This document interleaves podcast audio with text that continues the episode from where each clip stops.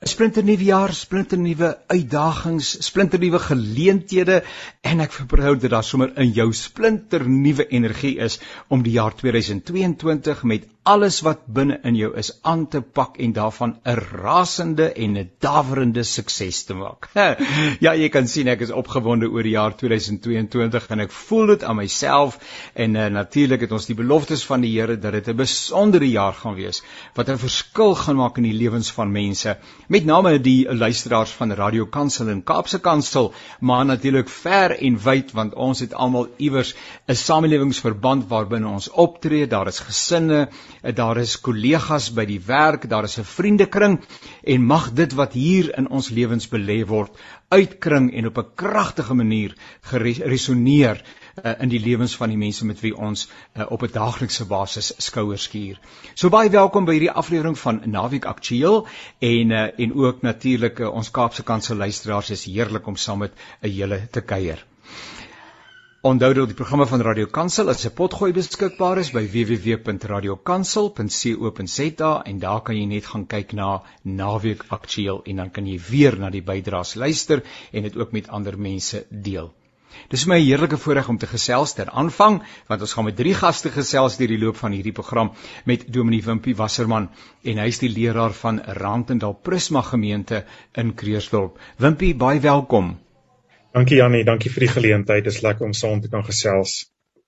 Wimpie nou, eh, ons is nog in die skadu by wyse van spreuke van die ou jaar en uh, ons voel nog aan onsself die uh die nuutheid van die nuwe jaar alhoewel dit nou die einde van Januarie is maar uh maar ons is steeds binne die dampkring van 'n nuwe jaar geleenthede en natuurlik in die besonder wat dit mag wees wat die Here vir ons sê en wat hy vir ons in gedagte het. En ek wil baie graag vir jou vra, uh, jy's een van die baie baie dominees natuurlik en pastore en geestelikes wat rondom ou jaar, nuwe jaar met met die gemeente gedagtes gedeel het wat die Here in julle harte geplaas het en ek wil graag hoor wat is dit wat die Here in jou hart geplaas het om in die gemeente uh, hier in uh, Randendal in Kreersdorp te deel. Dankie Janie. Um, ja, ek dink uh, daar's waarskynlik niks so moedeloos as jy moedeloos die nuwe jaar ingaan of niks so moeilik as jy moedeloos die nuwe jaar ingaan. En vir my voel dit veral na die laaste paar jaar wat ons gehad het in die wêreld en in Suid-Afrika met uh, COVID-19 en alles wat daarmee saamgaan, moet ons so versigtig wees om vals hoop te verkoop. Um en sommer net te sê as die klok um 12 uur stryk uh, vanaand of soos dit met ou jaar was, dan is die wêreld môre heeltemal 'n ander plek. En ek dink ek moet ek het in my eie gees net beleef dat ek so versigtig moet wees daaroor. Maar ek het regtig ook ervaar dat die Here vir my die teks van Johannes 1 gee Um en dit uh, soos ons nou onthou uh, ou jaar kom net so so stuk na Kersfees en ons leef nog eintlik in daai stuk adventtyd ook dat ons die uh, die die geboorte van Jesus ook vier. En ja. in my eie kop het ek tog vir myself ook kon vra net maar uh, vier ons Kersfees net een keer? En is dit regtig dan die moeite werd om al daai moeite te doen en alles as dit net een keer is? Of wat is dit wat Kersfees ons ou jaar nuwe jaar in 'n nuwe jaar inbring en die teks van Johannes 1 het op my opgekom en ek wil sommer vir julle net uh Johannes 1 vers um uh, uh vers 14 lees. Die woord het mens geword en onder ons kom woon. Ons het sy heerlikheid gesien uh wat hy as die enigste seun van die Vader het, vol genade en waarheid. En net daai frase, die woord het mens geword en hy het onder hom kom woon. Dit was vir my of die eerste perspektief wat vir my soveel rus en vrede gebring het want ek dink deel van uh, dit wat Covid aan ons almal gedoen het is dat ons afstand gehad het van mense.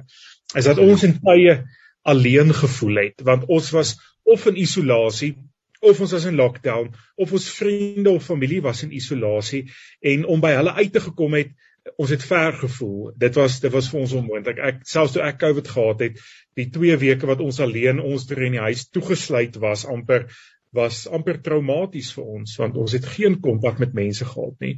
En hierdie teks van Johannes ehm um, herinner my in die heel eerste plek dat ons ehm um, dat ons nie alleen is nie, dat ons regtig leef binne in die nabyheid van God. En dit het vir my in die heel eerste plek uh baie baie gerusstelling gebring dat God die een is wat naby is, dat hy die een is wat teenwoordig is. Uh hy's regtig die een wat uh nie net naby ons in ons in ons in ons wêreld leef nie, maar dat hy ook die een is wat teenwoordig is in my en jou en elke luisteraar se elke dag probleme en elke dag vreugdes. En dit bring vir my 'n baie baie groot gerusstelling om te weet dat uh Kersfees uh die inkarnasie, die vlees word, maar dit regtig waarlik iets is wat teologiese term is, nie, maar dit regtig waarlik iets is wat um verander oor hoe ek leef en kan verander hoe ek leef juis deur Christus se teenwoordigheid uh deur sy Heilige Gees. En dis vir my um dis vir my baie baie gerusstellend. Uh hierdie teks speel al soveel jare in my eie lewe uh 'n ja. baie groot rol en ek dink dit het met um die oorle um wonderlike teoloog um Eugene Peterson se vertaling van die boodskap eintlik so vir my as 'n student al Uh, so God het in my straat God moved into the neighborhood. So God het in my straat kom intrek. Dit is verskriklik mooi. Dis so en, mooi.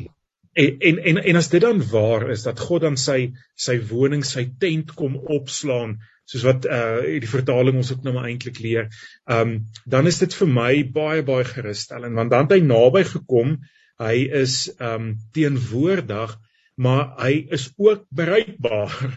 Ehm um, en want hy bly naby my. Hy bly binne in my omgewing. En ek uh wil nou geen ek weet gelukkig min genoeg van die ehm um, politisie om 'n uh uh op iemand se tone te trap, maar ek verbeel myself 'n president of 'n persoon staan vir die uh vir 'n land se se president om president te word. Maar hy sê ek kan nie by die mense bly nie. Hulle is of te arm of hulle is te snaaks of ek kan nie in hulle omgewing bly nie. Ek wil eerder op 'n ander plek gaan bly. Um en dis juist Ja, ja, ek wil in Sandton bly, die mense bly in Krugersdorp by my. Sê ons ja. ons ons op by die fancy mense bly. Maar dis juist nie wat Jesus doen nie. Dis nie wat God deur Jesus doen nie. Hy sê ek wil bly daar waar hulle bly. Ek ja. wil my woning kom opslaan, my teenwoordigheid kom opslaan daar waar hulle is. Ek wil so um bereikbaar wees dat hulle regtig kan ervaar dat ek 'n God is vir hulle. 'n God is wat iets verstaan van hulle. En um dis om eintlik maar 'n in 'n neete dop wat ek voel die Here ook vir ons in hierdie jaar sê, um dat hy's die teenwoordige, alomteenwoordige heilige God. En daai frase, die alomteenwoordige heilige God, verander my perspektief ook oor hoe ek vandag leef. So as hy alomteenwoordig is, dan dit kan amper vir ons so 'n bietjie 'n uh, vrees aan jaant wees. Dan sê dit hy is op elke plek teenwoordig. So dankie tog aan die een kant, ehm um, wat God is daar. God leef waar ek leef. Ehm um, en hy sê hy's die heilige God. So hy vul ook my alledaagse dalk soms vervelige ehm um, die mekaar leef vul hy ook met sy heilige teenwoordigheid en dit gee vir my die waagmoed want ek sê altyd ons gaan blind in 'n nuwe jaar in ons weet nie wat gaan gebeur nie. Ja, ons weet ja. nie hoe Januarie maand en Februarie maand en ag al die verskillende maande gaan uitspeel nie, maar die alomteenwoordige God is die God van die uh verlede, die hede en die toekoms. So hy's klaar um in Januarie met sy 36 weke omdat ons salaris nie gehou het nie en hy's ja. klaar in in April in ons paastyd en hy's in die koue winter wat op pad is Junie Julie en hy ja. is um in Oktober se winde of droogheid of wat ook al betrokke en hy's weer in Desember aan die einde van die jaar ook daar. So ek en jy en elke luisteraar gaan in en ons sê dankie tog God is teenwoordig. En dit gee vir ons soveel rus. Dis wonderlik. Dit bring soveel rustigheid in mense gemoed ook in my eie as ek so na jou luister. En daai 'n uh, uh, verwysing na Eugene Peters in die boodskap sê juis sê naamlik hy het as mens by ons kom huis opsit. Ja, dis om gewone ja. mense taal nie. Nou, ons kan dit almal ja, verstaan. God ja, het hier in my straat kom intrek en uh, in Christus Jesus. Ja. ja. En en hy nooi my in en sê kom ek en jy uh, uh, verander die straat. Kom ek en jy doen dit saam want dit is God wat dit doen. En dis die ja. wonderlike van ons verstaan van God. Ook hy's die een wat in die eerste plek sy hand uitgesteek het na ons toe. Ja, Want dit ja. herinner my aan aan sy belofte in in in Levitikus al wat hy sê ek sal by hulle woon. Ek sal ja. ek sal kom tabernakel by hulle. Ek sal kom tent opslaan. Ek sal in teenwoordigheid daar kom wees en hulle sal my volk wees en ek sal hulle God wees. 'n Eeue oue belofte wat hy maak en dit wys net vir ons hoe ernstig God oor sy beloftes is. Hy ja. keer terug na sy eiendom toe. Hy kom woon onder ons en hy sê ek kom doen dit en ek kom doen dit saam met jou. Dis vir my wat soms 'n bietjie gespanne is oor 'n jaar wat uh, ons nie weet wat dit gaan voor voor lê nie. Sê dit net weet jy ek kan asemhaal. God doen dit. God is hier. Ja. Ons het geen sekerhede behalwe die sekerheid van ons verlossing en dan die sekerheid van God se teenwoordigheid. Dis so mooi soos hierdie dag gestel het. Ek dink maar in die afgepas afgelope 2 jaar, eintlik nie pas afgeloop nie, maar die afgelope 2 jaar wat redelik traumaties en moeilik was. Ehm um, en uh, nou is dit wonderlik om 'n teks te hê aan die hand waarvan 'n mens as dit ware die toekoms tegemoet kan gaan, naamlik God is hier teenwoordig in die woorde van uh, vers 14 uh, God het mens geword en onder ons kom woon. God woon hier in my omgewing. Hy woon ou trouens nog nader as dit hy woon in my eie hart. Kom ons yes. probeer net wimpie saam met jou vir 'n oombliekie uh nadink oor hoe hoe gaan hoe hoe maak 'n mens dit 'n realiteit? Want dis nou teologiese werklikheid en waarheid en is wonderlik nou's ek in trauma en trauma is of net verby of jy's in trauma of dit kom nê nee? daar's een of ander dis die lewe dis wat die aard van die lewe uh, ons is nooit altyd in kalm vaarwaters nie daar kom tye van stormsee en uh, dit is deel van die lewe. En nou wanneer dit kalm waters is, dan is dit eintlik baie maklik om daarmee te reken, maar wanneer die stormsee kom, uh, hou 'n bietjie uh, vir my uh, dink hardop hoe. Kom ons veronderstel iemand luister nou en hy's juis in stormsee. Wat wil hierdie teks vir hom bring? Wat is die geskenk wat Johannes 1 vers 14, die Kersboodskap met die oog op die nuwe jaar vir mense bring? Ek dink uh wat vir my oor God altyd die een van die mooiste eienskappe is en ek dink die teks haal dit ook uit is dat hy omdat hy onder ons woon is hy bereikbaar en kan ek maar vir hom sê hoe ek voel. Ek dalk het ons groot geword met 'n 'n baie um pietistiese tog net nie eerlik wees voor die Here nie. Ek moet tog net nie vir hom sê hoe ek voel nie. En ek dink 'n uh, God wat onder ons woon sien hoe lyk dit in ons huis. Uh die buurman weet as ek en my vrou dalk te hard beklei of of die kinders raas of wat ook al. En dieselfde met Jy kan maar bely oor die beklei, jy kan maar vertel. Volgende keer. Ehm um, maar hy verstaan iets van dit. So ek hoef nie weg te steek nie. En hy kan dit, he can handle it. Hy ja. kan my my woede en my seer en my frustrasie en my my bang wees oor 2022. Hy kan hy kan dit handle. Ek kan dit maar vir hom sê. So ek dink in die eerste plek dat ons vrymoedigheid moet neem in die teenwoordigheid van die Here om regtig te sê oor ons voel. Dit aan die een kant. Aan die ander kant dink ek ons vergeet te vinnig uh, en ek praat vir myself. As daai trauma kom dan is ek die weeskind en niemand is vir my lief nie en die Here het my ja. vergeet. Ons weet mos hoe ja. hoe dink ons. En ek dink uh, Deuteronomium 6 uh, se uh, uh so opdrag herinner jouself aan aan aan dit wat God kom doen het. Bind iets om jou hand vas. Uh, sit dit op jou voorkop, sit dit in die deurkusyne, wat ook al daai ou Joodse uh gebruik was. En ons pas dit nie noodwendig so toe vandag nie, maar iets van dit dink ek speel tog 'n belangrike rol dat ons iewers in ons lewe ook vir ons um monumente oprig of simbole oprig dat God hier teenwoordig is. Vir my, ek self in die gemeente, ek steek altyd 'n kers aan. So my gemeente, uh, my kantoor brand 'n kers. En dit is net om myself te herinner, God is hier teenwoordig. As ek ja. kwaad is, as ek hartseer is, as ek nie weet wat om te sê nie, as die seer van die wêreld my onderkry, ek rig herinneringstekens op uh, sodat ek kan onthou want my hart verraai my uiteindelik soms, nê. Nee. Ja, ja. Dis 'n wonderlike gedagte, 'n geloofsgewoonte, nê, nee, uh om een of ander vorm van herinnering uh in in jou omgewing uh in te rig, ja. soos byvoorbeeld om 'n kers aan te steek, dan moet nou net die kinders en kleinkinders in die huis wees ja. nie. Vergeet om hom dood te blaas nie. Maar maar Wimpie, ek ek sien uh 'n aanleiding van die boodskap vertaling, is daar ook 'n pragtige gedagte wat verband hou met die God Wat hoe is die God wat hier by ons sy intrek kom neem het en dan staan daar hy's 'n fontein van goeie dinge. En dit wil 'n ou daarom ook rig om te sê ek mag van hom die beste verwag Hy wil met my die beste deel, want hy is 'n fontein en hierdie is sekerlik 'n borrelende fontein wat nie opdroog nie, want hy kan nie opdroog wanneer dit kom by dit wat hy met ons deel nie. En die dinge wat ek van hom kan verwag en wat hy met my wil deel is goeie dinge. Dit Goeie dit ja. Ja, en dit het nogal iets met te doen met die godsbeeld wat ons baie keer het, naamlik van 'n ver af en kwaai God wat net die noodsaaklikste vir ons wil gee en met wie ons bitter min kontak het. Ja, ons moet amper met die krummels tevrede wees want ons is ons is net te bang om te sê, ehm um, ek wil aan jou tafel sit. En ons dink Psalm 23 sê hy kom dek die tafel voor my.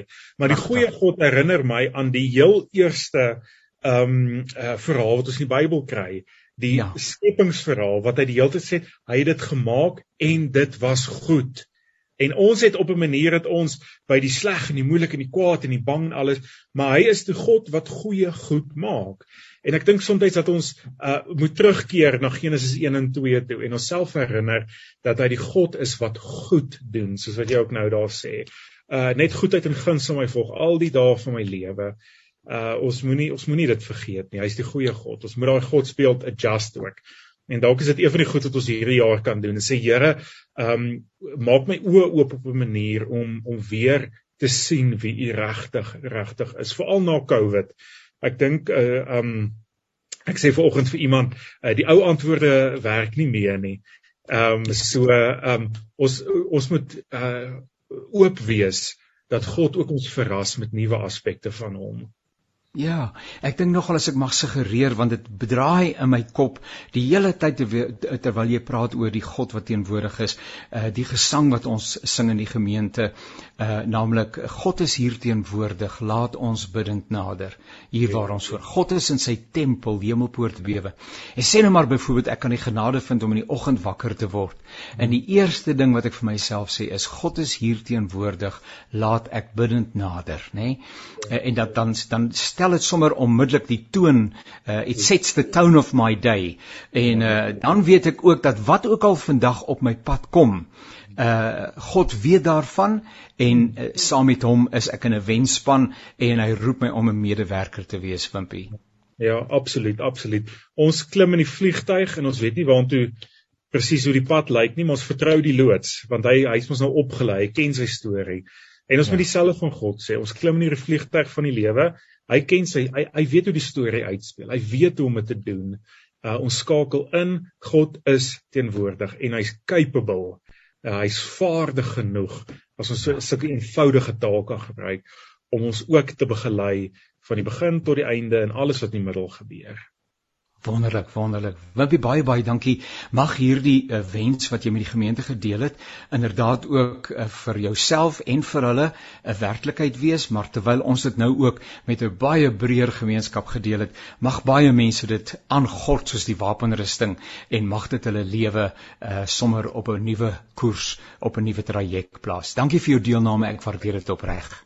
Dankie Jannie, mooi dag. Seënwense. So gesels toe met Wimpie Wasserman en hy's leraar van die gemeente uh, Randendal Prisma hier in Kreersdorp en intussen het uh, professor Henny Stander ook hier by ons aangesluit en uh, ek is so dankbaar dat hy saam met ons is. Prof Henny kan sy kamera aanskakel dan sien ek vir hom want ons het die voorreg om met mekaar te kuier uh, uh visueel uh, via Zoom uh, terwyl jy nou net die klankbaan hoor sien ons mekaar ook en dit is 'n heerlike uh voorreg en gawe wat die uh, die uh, elektroniese media vir ons bied. Prof Henny, ek vertrou u te die jaar het vir u goed verloop sover. Ja nee, ja nee, baie dankie. Uh baie ek dink sommer net uh die feit dat dit so lekker gereën het eintlik die hele Desember en ook die eerste ja. deel van Januarie. En as ek hier waar ek nou in my studeerkamer sit, kyk ek uit op my pragtige pragtige groen tuin, jy weet. Ja. Uh dit maak dit sommer al klaar baie baie lekker afgesien van die ander wonderlike seëninge wat ons uit die hand van die Here ontvang. Dis absolute lus of die natuur is net so so mooi. Profenie ek wil graag 'n bietjie met u gesels oor 'n term wat in die afgelope tyd redelik gereeld gebruik word en dis die woordjie nalatenskap. En ehm um, rondom die sterwe afsterwe van uh, meneer F.W. de Klerk uh, is daar baie gesels oor sy nalatenskap en toe nou in die onlangse verlede het aartsbiskop Desmond Tutu uh, het hy ook aangesluit by die hemelse uh, gehoor en uh, is daar ook gesels oor sy nalatenskap. Nou ek het gedink, miskien mense hoor mos baie keer woorde, maar jy, jy verstaan nie heeltemal wat die inhoud daarvan kan wees nie. As u nou die woord hoor, wat kom by u op? Ja nee, ja, ek dink die woord wat by my opkom is die woord impak. Jy weet, wat is wat was jou impak gewees? Ehm uh, en uh met ander woorde ja, op die samelewing, op ons land en so aan. Ons in die akademiese akademiese wêreld moet baie artikels skryf en ja. deesdae is daar nogal baie maniere om die impakfaktor van ons werk te meet, né, om te sien maar okay, die artikel wat jy geskryf het, hoeveel keer het mense dit gelees, hoeveel keer het mense dit aangehaal en so aan en dit in watter tydskrif het dit verskyn? Is dit nou sommer so 'n ou plaaslike tydskrif of is dit internasionaal? En dit alles bepaal die impakfaktor van jou artikel. So dit is nogal heel meetbaar. Ek dink as dit nou by individue kom, is die impakfaktor nie altyd so meetbaar nie. Dit kan baie groter wees as wat ons vermag met 'n artikel. Uh baie groter kan die uh, impakfaktor wees, maar dit is baie moeilik om dit te meet. En ehm um, maar ons kan nou nou meer daaroor praat. So ja, ek wou eers dit gesê het. Uh, uh as ek dit sinoniem moet gee, sou dit die woord impak wees. Proveni nou as ek onmiddellik terugdink uh, en dink aan meneer Evie de Klerk en die uh, narratief rondom sy afsterwe uh, en veral ook die video wat hy opgeneem het en wat beskikbaar was enkele dae tydens in elk geval. En uh, um, en dieselfde was eintlik maar met biskop Desmond Tutu dalk in minder mate maar um, mense oordeel verskillend oor die sogenaamde nalatenskap. Jy kry 'n klomp mense wat hande klap en sê dit was baie betekenisvol en dit was uh, uh dit het 'n verskil gemaak en dan kry jy ander mense wat ag soms selfs kry uh negatief en krities staan daarteenoor en partykeer selfs dinge sê wat jou laat eis dat een mens oor 'n ander mens so kan oordeel.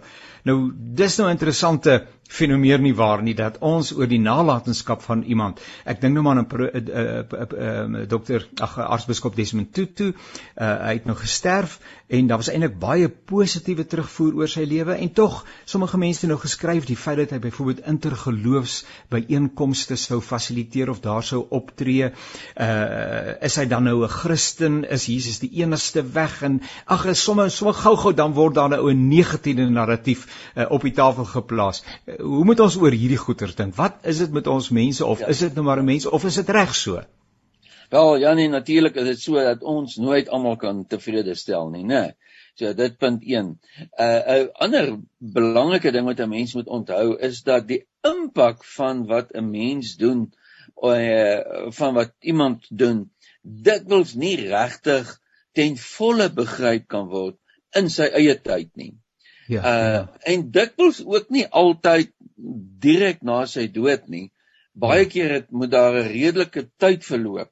En as jy dan eers in 'n redelike tyd, is dit baie keer 'n eeu of 2, jy weet wat ja. moet verloop. En ja. wat jy kan terugkyk en sê, maar weet jy, nou kan ek eers sien wat was die impak van Michelangelo op die uh kunswerke byvoorbeeld, jy weet. Ja, ja. En ja. ehm ja. um, so ja, dikwels is dit dikwels verander mense se siening ook dat in die persoon se eie tyd of kort daarna dan dink hulle dis 'n baie uh, groot persoon en later dan uh kyk mense met ander oë daarna. As ek nou iemand uit die kerkgeskiedenis kan aanhaal, Origenes was in sy eie tyd 'n baie belangrike teoloog En so 150 jaar later is hy verdoem as 'n ketter. Jy weet hoe mense begin te kyk na dit wat hy uh geleer het. Hy was ja. so hier in die 2de eeu. Um um kom ons maak dit so rolweg nie 200 na na ja. Christus se ja. teoloog. En um ja, so mense het verskillende uh uh vers, verskillende idees van uh, uh, uh jy weet wat lê jou mee waarmee jy beoordeel word. Maar weet jy Jannie, en daar is natuurlik ook die kring waarbinne ons die impak het kan ook verskil. uh, of dit nou binne in jou gesinskring is en of dit binne groter kring, familiekring of in die land is of wêreldwyd. Ehm um, en miskien is dit belangrik dat ons net vir 'n oombliekie ook praat oor die naby kring waar ons 'n impak behoort te hê. Ehm um, want ons gaan nou nie almal altyd Nobelpryse wen vir die impak wat ons het op die land nie. En ja, ja. Uh, jy weet dan kan ek nie anders nie Jannie as om te dink aan die Bybel. Weet jy dit tref my altyd so. As ek nou kyk wat se impak paas op hulle seuns gehad het byvoorbeeld. Ja, ek lees ja. byvoorbeeld in 1 Konings 15 vers 26 en Nadab het gedoen wat verkeerd was in die oë van die Here en hy het gewandel in die weg van sy vader. Verkeerd ja. gedoen soos sy pa. Dan blaai ek na 1 Konings 22 vers 43. Dan staan daar Josafat het geheel en al in die weg van sy vader gewandel. Daarvan het hy nie afgewyk nie deur te doen wat reg was in die oë van die Here. Ja. Dan kyk ek 'n bietjie verder in vers 53. En Ahasie het gedoen wat verkeerd was in die oë van die Here. Hy het gewandel in die weg van sy vader. O aarde. In 2 Konings 22 vers 2. Josia het gedoen wat reg was in die oë van die Here ja. en geheel en al in die weg van sy vader ja, Dawid gewandel, nie regs of links afgewyk nie. Dan kom ek by 2 Kronieke 20 vers 32. Daar staan dat Josafat het gewandel in die weg van sy vader Asa en daar nie van afgewyk nie en het gedoen wat reg was in die oë van die Here. So nogal interessant nê dat uh die impak wat die pa elke keer op sy seun het nê en dit wat na hom gaan gebeur. Like father like son nê. Like wat appel val nie ver van die boom nie nê. En ja, ja. daarom is dit so belangrik dat ons moet seker maak dat ons uh impak die effek wat ons op ons kinders het, die ons geestelike nalatenskap dat dit 'n belangrike nalatenskap is. Weet jy Janie, jy, jy het nou 'n uh, paar keer verwys na biskop Tutu en Evie de Klerk en ons kan 'n klomp name hier bygooi, ja. jy weet, dink ja, aan ja. oud president Mandela en so aan en hulle ja. nalatenskap. Weet jy wat is vir my baie interessant dat uh, die impak wat mense het in die geestelike wêreld. Kom ons praat nou maar in die geesteswetenskaplike wêreld, nê. Nee. Ja, Dis ja. ek meen ons kan praat oor dit wat Einstein gedoen het in die natuurwetenskaplike wêreld, in die impak ja. wat hy het. En baie keer dink mense dat ek dink regtig baie keer dink mense dat wanneer jy regtig 'n groot verskil wil maak, dan moet dit op hierdie konkrete vlak lê. Jy weet, dink maar nou aan Elon uh, Musk of wat uh, jy weet ouens wat uh, met die rekenaars werk of ouens wat in die tegnologie werk en wat 'n verskil is dit nou in die wêreld teweeggebring. En uh, maar ek sê baie keer vir my studente, moenie die geesteswetenskaplike veld uh miskyk nie of onderskat nie. Baie van die grootste veranderinge in die wêreld het juis gebeur as gevolg van 'n verandering op geesteswetenskaplike vlak, nie op mense vlak.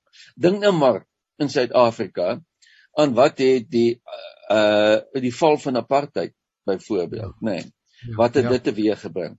Opkoms van vroueregte, daardie ja. beweging. Hoe ja. dit die wêreld verander. Dit is nie net ingenieurs wat die wêreld verander nie. En ja. dit is nie net IT kundiges wat die wêreld verander nie. Nee. Dis nie net 'n Chris Barnard wat die wêreld verander wanneer hy 'n hart oorplant nie. Ja, ja. Dit is ongelooflik wat vermag kan word op geesteswetenskaplike vlak, nê, nee, mense vlak, in die menswetenskappe. Wat se impak dit het as daar 'n verandering is. En ja, nou kom ons terug by biskop Tutu. Ek dink dit wat hy gedoen het, die reënboog uh, nasie term ja. wat hy geskep het, dit wat hy gedoen het om swart en wit nader aan mekaar te kry in Suid-Afrika.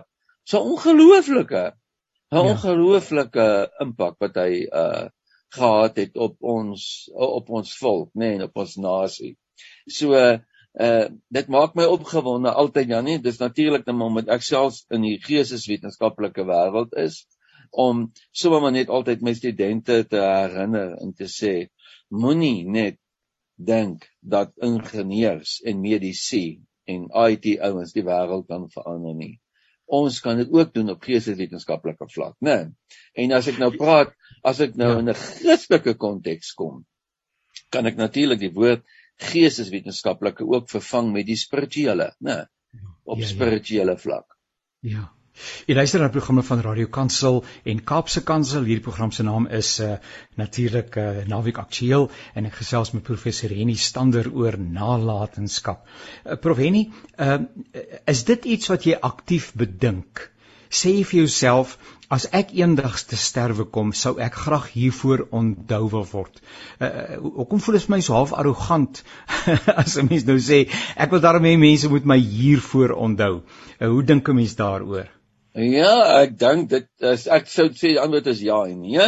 Ek dink as jy nou na Herodes byvoorbeeld gaan kyk, Herodes wat uh, by tempel van Jerusalem gebou het en of of deels gebou het, uh, hy het Masada daar in uh, Israel die vesting Masada gebou as jy na Caesarea Maritima gaan kyk ook nou nie so baie ver van Masada uh, uh ja okay dis almal julle entjie van Masada maar ek ja. bedoel daar langs die see in Israel nê nee, by Caesarea Maritima en jy kyk na sy bouwerk ek bedoel daar staan vandag nog 'n aqueduct nê nee, en ek ja. dink hy word baie blameer ook vir die feit dat daar so baie bome afgekap is destyds in Israel want hy het dit gebruik vir al sy bouwerke en ek wil my verstout om te sê dat hy gedink het ook kyk as ek al hierdie goed bou dan as ek doodgaan dan gaan daar 'n hele klomp bouwerke staan nê. Daar gaan goed in klip gebou wees en ehm um, hulle gaan sê dit was Herodes wat hierdie aquaduct gebou het en so aan en so aan. En ehm um, uh maar uh of, of wie ook al die aquaduct gebou het, maar ek meen Caesarea Maritima, die hele kompleks daar uh word baie toegeskryf aan hom. So uh dis konkrete goed en ek dink baie keer is daar leiers wat dink as hulle hierdie stadion bou en hulle dit word na hom vernoem of haar vernoem, dan gaan hulle hom lank onthou. maar ja, nie soos jy weet ons in ons eie land hoe dat hoe vinnig kan 'n uh, gebou maar net 'n ander naam kry, nê? Liggame wat anders genoem word en daar gaan 'n uh, hoof weer wat 'n ander naam kry en daar gaan jy nalatenskap. So ehm um, ja, ek dink daar is baie keer mense wat seker doelbewus aan hulle nalatenskap bou. Ander doen dit nie doelbewus nie. Ek is oortuig dat biskop toe uh, nie gedink het, weet as ek nou vriendelik gaan wees of 'n bietjie humor gaan hê of gaan ja. werk aan mense se verhoudinge dat hulle my na die tyd gaan vereer nie. Ek is oortuig dit doelwit of uh, of oogmerk nie, maar dit het net uitgevloei van uit sy dade. Maar daar nie daar eh uh, Jannie as ek dit klaar gesê het, dan wil ek bysê dit is belangrik dat 'n mens moet gaan sit en dink. Maar hoe gaan jy onthou word? Hoe gaan jou kleinkinders jou onthou? Wat gaan hulle onthou van oupa Henny? Jy weet wat het hy gemaak of nie gemaak nie. Ja. En ehm um, so dit is maar 'n vraag wat 'n ou ook kan vra en kan werk aan jou nalatenskap en sê maar ek gaan tog wel werk daaraan dat my kleinkinders en maar 'n positiewe uh denke van my sal hê na en dat hulle seker goed sal onthou uh wat ek gedoen het en dat dit vir hulle ook lekker sal wees om om dit te doen en dat dit dan regtig um goeie nalatenskap kan wees. Interessant Jannie. Party ons laat 'n swak nalatenskap agter en jy's daaruit word die goeie gebore. Jy is dalk 'n groot alkolikus en jou kinders het gesien wat dit meegebring het en hulle ja, besluit net ja. ek wil net nooit enig wees soos my pa nie, jy weet. Ja. Maar ja. dit ook 'n nalatenskap swak nalatenskap wat op jou en 'n goeie gevolge het. Sou goed wees as uh, ook ons luisteraars en natuurlik sluit dit ons almal in as ons 'n bietjie vooruit of bietjie dink oor die jaar wat voorlê, die lewe wat voorlê, die tyd wat die Here vir ons seën en spaar. Wat is dit wat ek dan nou sou wou agterlaat? Wat hoe sou ek graag onthou word? Uh, dit is dalk nie 'n slegte gedagte om daaroor na te dink nie. Ek wil net 'n laaste vraag vra hê nie. Nou nou is dit so dat sommige mense soos byvoorbeeld die mense na wie ons verwys het, nee, Nelson Mandela, aartsbiskop Desmond Tutu en dis meer ehm um, wêreldwyd hulle impak resoneer wêreldwyd. En dan het jy vir Jan en Alleman uh, wat hier in die plaaslike omgewing woon en en en en niemand weet eers amper van sy bestaan behalwe sy huisgesin nie. Uh, en nou sê hy maar dis nou nie regverdig nie.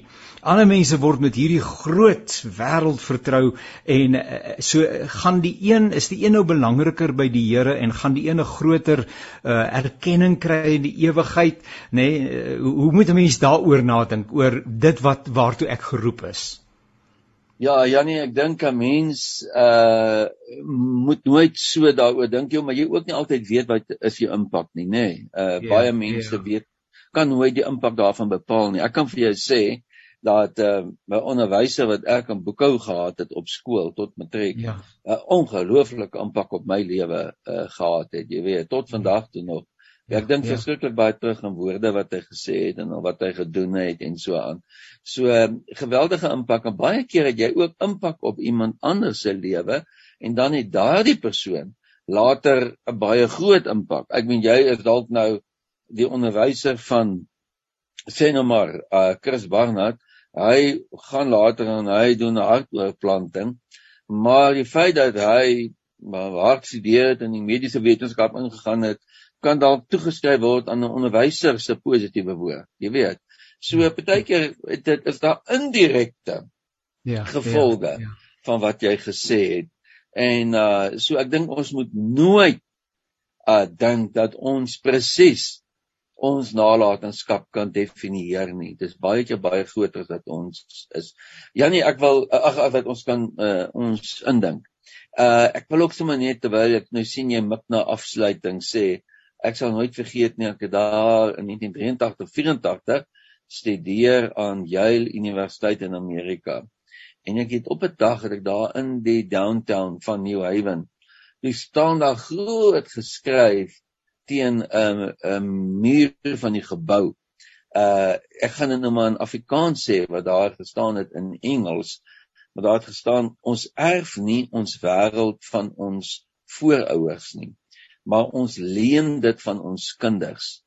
En ehm um, dit is nogal vir my 'n belangrike ding, dit iets kan nie jy weet dat jy nie moet sê okay, ek het 'n klomp goed geërf. Dit was die nalatenskap wat ek gekry het nie. Ja, ja. Maar dat jy sê maar ek leen goed van my kinders. Ek leen die wêreld ook van my kinders, jy weet. Miskien het dit bietjie meer lê op die vlak van ekologie en natuurbewaring, maar daar's ook ander goed daarin opgesluit in daai lese. Naamlik dat ons sal sê dat ons be sal besef wat 'n belangrike skakel ons is. Tussen ja. hierdie nalatenskap wat ons van ons voorouers gekry het en dit wat ons weer aangee vir ons kinders.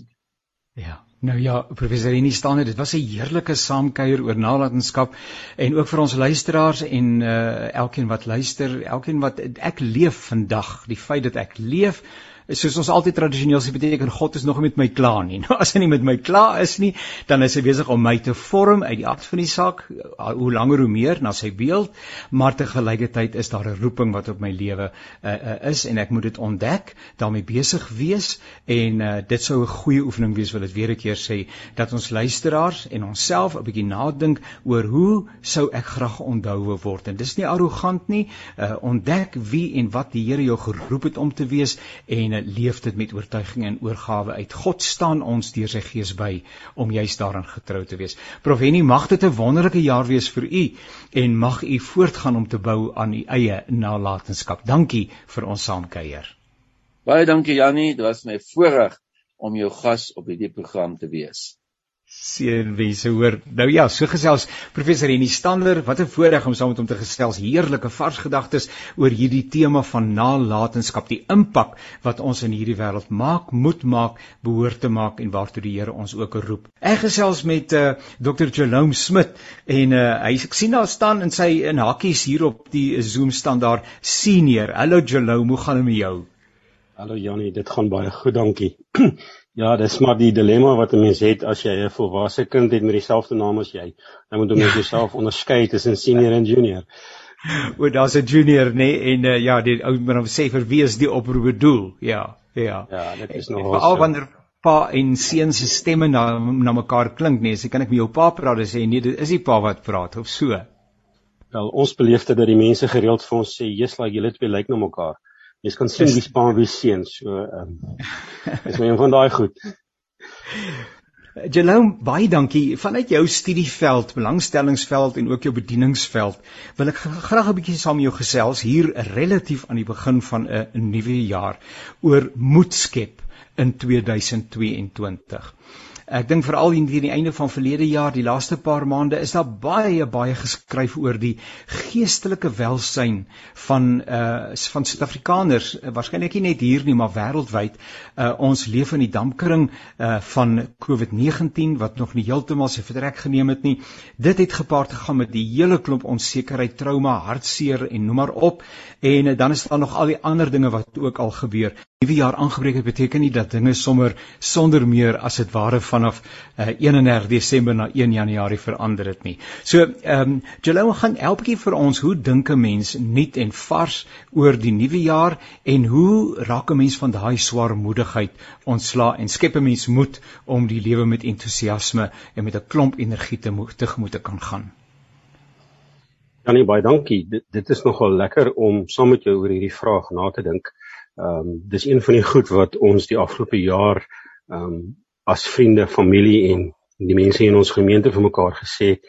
Na so swaar jaar sien mense nie kans vir nog eene nie. En dis 'n mens doodgewoon swaarmoedig om 'n jaar mee af te sluit. En dan weet 'n mens dat ehm um, 'n jaaroorgang is eintlik maar net 'n simbool. Dit het nie um, noodwendig 'n verskil in terme van die gegewe nie.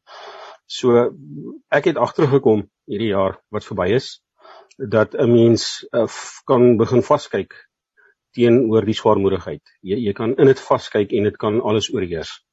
Of 'n mens kan begin en vir jouself sê, maar ek is tot alles in staat deur Christus wat my krag gee en daarom stel dit my in staat om elke keer weer op te staan en tot verhaal te kom wanneer dinge te veel raak.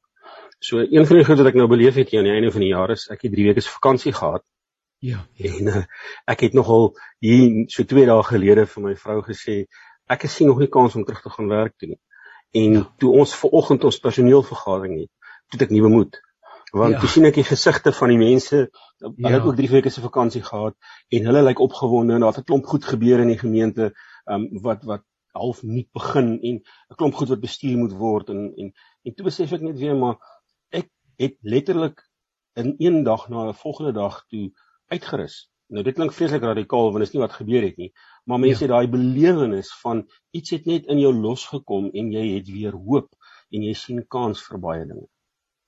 Dit is 'n wonderlike ding wat tog gebeur tussen die twee datums, nê, 31 Desember en 1 Januarie en ook om weer terug te kom by die werk en uh, dit is so Jalone, daar's baie energie in 'n uh, interpersoonlike verhoudinge. Soos jy sê, jy daag daarop, hier is jou kollegas, ons is in dieselfde bootjie uh en ons het dieselfde gemeenskaplike roeping en oortuiging in ons harte ja. en uh dis nie lank nie dan dan is daar weer 'n vlammetjie wat in jou brand. Ek moet ook vir jou sê Jannie, ek het die belewenis die afgelope jaar want jy sal nou weet, um, ek weet nie of jou luisteraars dit gaan weet nie, maar my eie storie die afgelope jaar was gevul met geweldig baie trauma, mense wat ja. oorlede is aan COVID en, en swaar gekry het, familie, persoonlike vriende. Um en dit het 'n jaar geword waarin mense regtig baie oorweldig gevoel het met alles wat sleg is. En my my persoonlike belewenis is dat as dit nie vir die verhouding wat ek met Jesus gehad het was nie, sou ek waarskynlik nie emosioneel staande gebly het nie. Nou, ek probeer nie sê Jesus is ons groot sielkundige nie. Ek probeer eintlik net sê as jy mens gaan kyk na hoe die Bybel dit beskryf, dat God jou nie weghou van swaar kry af nie, maar dat God jou krag gee om deur swaar kry te leef. En hier's 'n belangrike punt wat ek wil maak. Um om deur swaar kry te kom en dit af te handel is nie 'n Bybelse storie nie. Die Bybel praat nie net van alles is wonderlik nie. Die Bybel praat van die feit dat Christene geroep is om in die seer en in die stikken van die wêreld 'n verskil te gaan maak.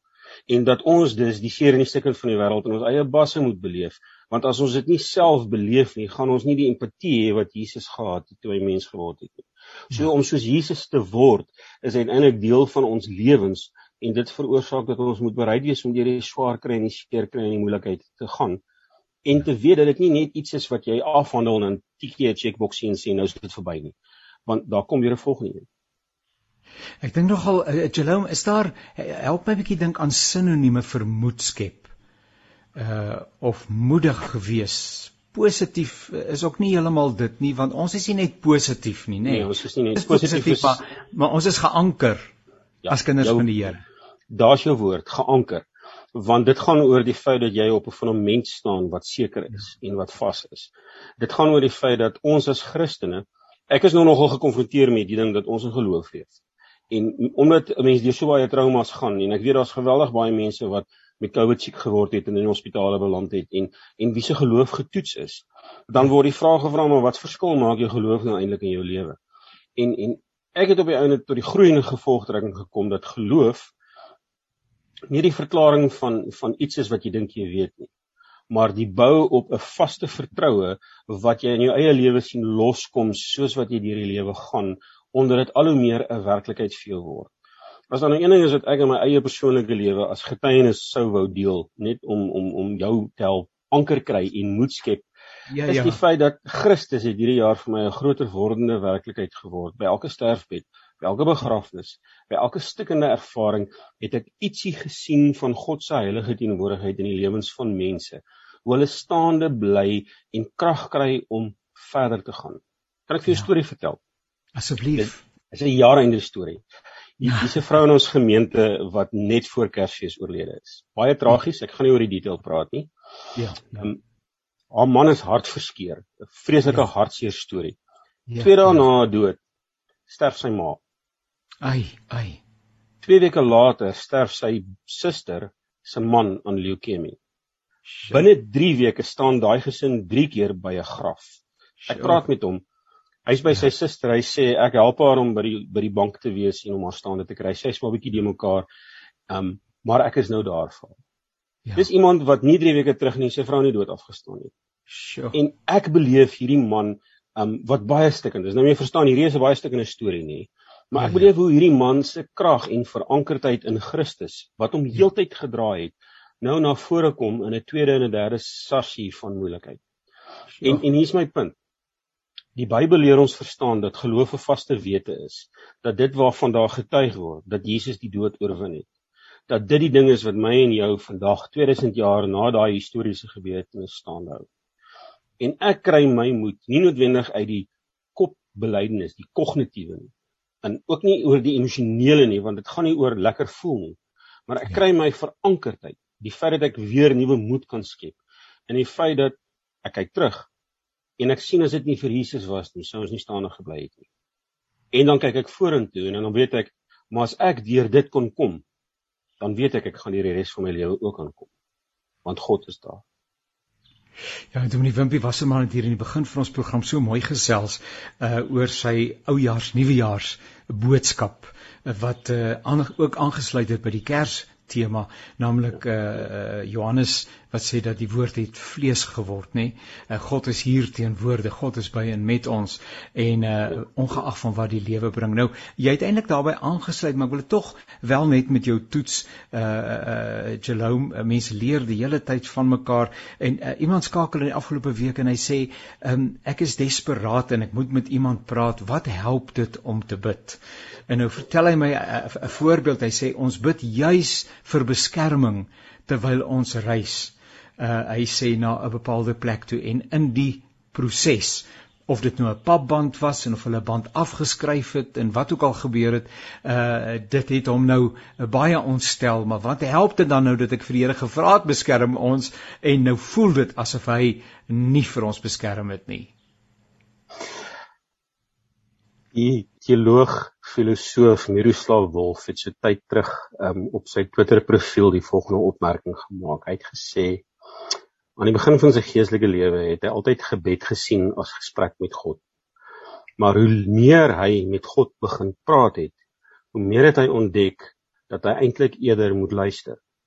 Want gebed is in wese 'n oefening om te hoor waar God is en waarmee God besig is. Nou, ons ken vir Miroslav as 'n bevrydingsteoloog, maar ons ken hom ook as 'n baie gegronde gereformeerde teoloog, toevallig genoeg. Nie dat dit saak maak nie. Ja. Maar as hy dit sê, dan weet ek uit sy belewenis in sy eie spiritualiteit, weet ons dat hy God beleef as iemand wat homself al hoe meer aan jou bekend maak, hoe meer jy bereid is om te luister. En nou wil ek vir die persoon wat vir jou gesê het hy's desperaat en kyk dan net uit gebid en die presisie teenoorgestel met groot liefde en en ek sê dit nou vir myself want hoeveel keer het ek hierdie selfde gedoen as daai persoon my eie gebedslewe nie sê dat ons vra dis eintlik die verkeerde vraag ons soek ja. eintlik die verkeerde antwoord die feit dat die Here ons beskerm het beteken nie dat die band nie moes bars nie ja. dit beteken dat ons niks oorgekom het nie Dit ja. beteken dit dat ons aan die ander kant staande gebly het om die storie te vertel dat God daar was toe die band gebars het. Ja. Die feit dat ons ontsteld is oor ons gebid het en God het nie ons gebed verhoor nie, beteken ons het nie gehoor waar God besig is nie. Want een van die dinge wat moed en 'n verankerdheid in Jesus Christus ons leer, is dat God nie die seer van die wêreld wegvat nie. Anders het Jesus nooit aan die kruis gesterf nie. Want was dit nie Jesus wat aan die kruis gesê het, um voor die kruis en in die Getsemane gesê het, Here, as dit U wil is dat hierdie beker by my verbygaan. Ja. Was dit nie Jesus wat aan die kruis gesê het, my God, hoekom het U my verlaat nie? Die realiteit van God se menswording is die feit dat God willens en wetens soos ons deur elke vorm van swaar kry gegaan het sodat hy kan sê maar ek verstaan waar jy gaan en ek het die grootste prys daarvoor betaal. So sonder om die ander persoon te laat skuldig voel wat gesê het my ja, ja. gebed is nie verhoor nie want beloof ek vir jou ek het al soortgelyk gesê Here hoekom het U nie my gebed verhoor nie Here hoekom hoekom Ja ja ek ook maar ek ook maar ja ja, ja. Elke keer kom ek tot die gevolgtrekking dat ek moet eintlik gaan stil staan en vra Here waar was u besig in hierdie oomblik? Wat moet ek leer? Wat ja. wat was u besig om te doen of te sê? Um en as 'n mens dan met gebed so werk, dan kom 'n mens agter dat gebed nie 'n lysie van behoeftes is nie, maar 'n ontmoeting met die Heilige God. Want jy stap in sy troonkamer in en jy gaan sit op sy skoot. En omdat en dis wat Efesiërs 2 vir ons leer, die skeiding tussen God en sy volk weggevat is en ons deur die Heilige Gees een tot by God vrye toegang het met hom beteken dit dat ek in daai oomblik eerder die oefening moet doen om te vra Here waar's u waarmee is u besig ja wat kan ek hieruit raak sien nie leer nie want leer is nou weer 'n kognitiewe woord maar ja. wat kan ek hieruit raak sien um my band het gebars maar my kar het nie gerol ja. my band het gebars maar my gesin is veilig ek sê dit met groot eerbied want dan is daar mense wat 'n soortgelyke gebed bid en dan is daar familielede oorlede in 'n motorongeluk of wat ook al. Ja, so ja. ons moet dit nie vereenvoudig na swart en wit ding nie want alles is baie kompleks. Ja. Maar ons moet die empatie behou en ons moet die insig behou dat in elke omstandigheid skep ons moed omdat Jesus ons deur daardie ding dra en nie noodwendig wegvat van daardie seerkry of nie. Ja, dis 'n moeilike ding om amper stoute skoene aantrek en sê al die radiokansel en Kaapse kansel luisteraars wat al gesê het, "Here, kom hoor U nie as ek praat nie, kom hoor U nie as ek bid nie." Uh ek kan maar die hande opsteek en dit sou waarskynlik maar ons almal wees, nê. Jy gaan my hand in die lug en op. Ten slotte dit Jerome, jy het gesê uh, uh, so 'n aanduiding van ehm um, uh, van van uh, daardie teoloog, 'n uh, Moltmann, uh dat gebed is om te luister veel eerder as om met God te praat. Praat is ook belangrik, maar om te luister ja. wat die Here sê. Mag ek vir jou vra om te waag ehm um, te om te formuleer wat dink jy sê God vir ons hier aan die begin van 2022 as eh, kom ons sê as geloofsgemeenskap. Dis 'n groot waag, jy vra baie. Ehm um, maar kom kom ek sit my my my my my hoed van soek na die Here se wysheid op my kop. Ehm um, ek stap die nuwe jaar in by ons in die gemeente met die gedagte dat ek vir die gemeente wil help om groter troos te kry in Jesus Christus. Ja. Want hulle verankerdheid is in Christus en nie in die kerk nie, nie in die Bybel nie, nie in die teologie nie en ek verskraal nie die teologie nie. Jy ken my nou, jy weet ek sal nie die ja. teologie verskraal nie. Ja, ja, ja. Maar ons verankerdheid is altyd in die persoon en werk en oorwinning aan die kruis van Jesus Christus. En God wil eintlik deur die afgelope 2 jaar se ervaring vir sy kinders sê, skep moed. Want dis ek wat julle staande gehou het. Skep ja. moed. Dis ek wat julle in hierdie tyd gebruik het. Ek ja. wil 'n laaste storie vir jou vertel. Um Martin Luther het daar in Wittenberg waar hy dominee was, um, was daar op 'n stadium 'n uitbreek van die builepes gewees. Ja. En al die grand mense in die dorp, die ryk mense, die die vername mense, het die dorp verlaat vir hul eie beskerming want die beide ja. pes het almal laat siek word. Liter het agtergebly. Toe begin die mense hom waarsku en sê maar dit help nie jy bly nie want jy's dood. Sê ja. maar ek weet God is hier. Ja. En in hierdie krisis vra God my om nou hier te wees en die mense te help. My roeping is nie om weg te vlug nie. My roeping is om in die middel van die krisis God vir mense wat in nood is te verteenwoordig. Ja. So dis die ding wat ek dink God vir sy kinders sê hierdie jaar, dat ons moet ophou kla. Ons moet ophou fout vind. Ons moet ophou om net die slegte goed te raak te sien, want dis wat 2 jaar aan ons gedoen het. Ons sien net slegte goed raak met respek want dit is normaal. Ja, ja. Maar ons moet begin raak sien dat ons die geroepenis is ja. wat Christus in die middel van hierdie stukkende wêreld verteenwoordig. Want ons is nie die enigstes wat swaar kry nie, maar ons ja. het die hoop want Christus is in ons lewe. Inderdaad. Dr. Jerome Smit, Brackenfell Wes, ek het dit reg, nê? Dis reg, ja. ja uh, daar in die Kaap in. Baie baie dankie uh vir die insigte wat jy met ons gedeel het. Uh dat ons die moed wat jy aan die dag lê en wat jy met ons deel, dat dit aansteeklik is en dat ons as Radio Kansel en Kaapse Kansel luisteraars ook uh die boodskap verder kan dra na ander mense wat in hierdie tyd dalk op moed verlore se vlakte is en vir hulle kan bemoedig uh deur self energiek, gelowig, entoesiasties, positief uh ja, reg geanker, net dis 'n mooi woord daai, geanker te wees anker, ja. uh, in die geloof in geloofsvertroue en in ons wete dat God die een is wat alles uiteindelik ten goeie laat meewerk. Dankie vir jou deelname. Seënwense. Mag ons in die nuwe jaar baie saam kuier. Dit sal 'n heerlike voorreg wees om van jou insigte uh verder te leer. Groete uh vir jou en jou mense by die huis. Baie baie dankie Jannie. Ek waardeer dit. So gesels uh, Dr. Jerome Smit en uh, dit was heerlik om saam met hom te kuier. Nou ja, ons het vir uh, Dominee Wimpie Wasserman gehad, ons het vir uh, Jerome nou net hier gehad en vir professor Henny Stander en dit was sommer 'n heerlike leersame oefening gewees, nie waar nie? En onthou die programme van Radio Kansel en Kaapse Kansel kan by www.radiokansel.co.za uh, raak geluister word onder potgooi. Jy gaan maar net daar na Naweek Aktueel of na uh, natuurlik ook Perspektief, ons Woensdag aktualiteitsprogram en uh, daar is sommer baie om te leer as ou net die genade kan vind om ietsie daarvan te integreer in jou lewe sal dit al sommer baie baie makliker gaan met ons nie waar nie. En uh, dankie vir jou wat ingeskakel was. Dankie vir Woesie wat vir ons die tegniese versorging behartig het. Uh, mag die Here vir jou ryklik seën en tot 'n volgende keer alles wat mooi is.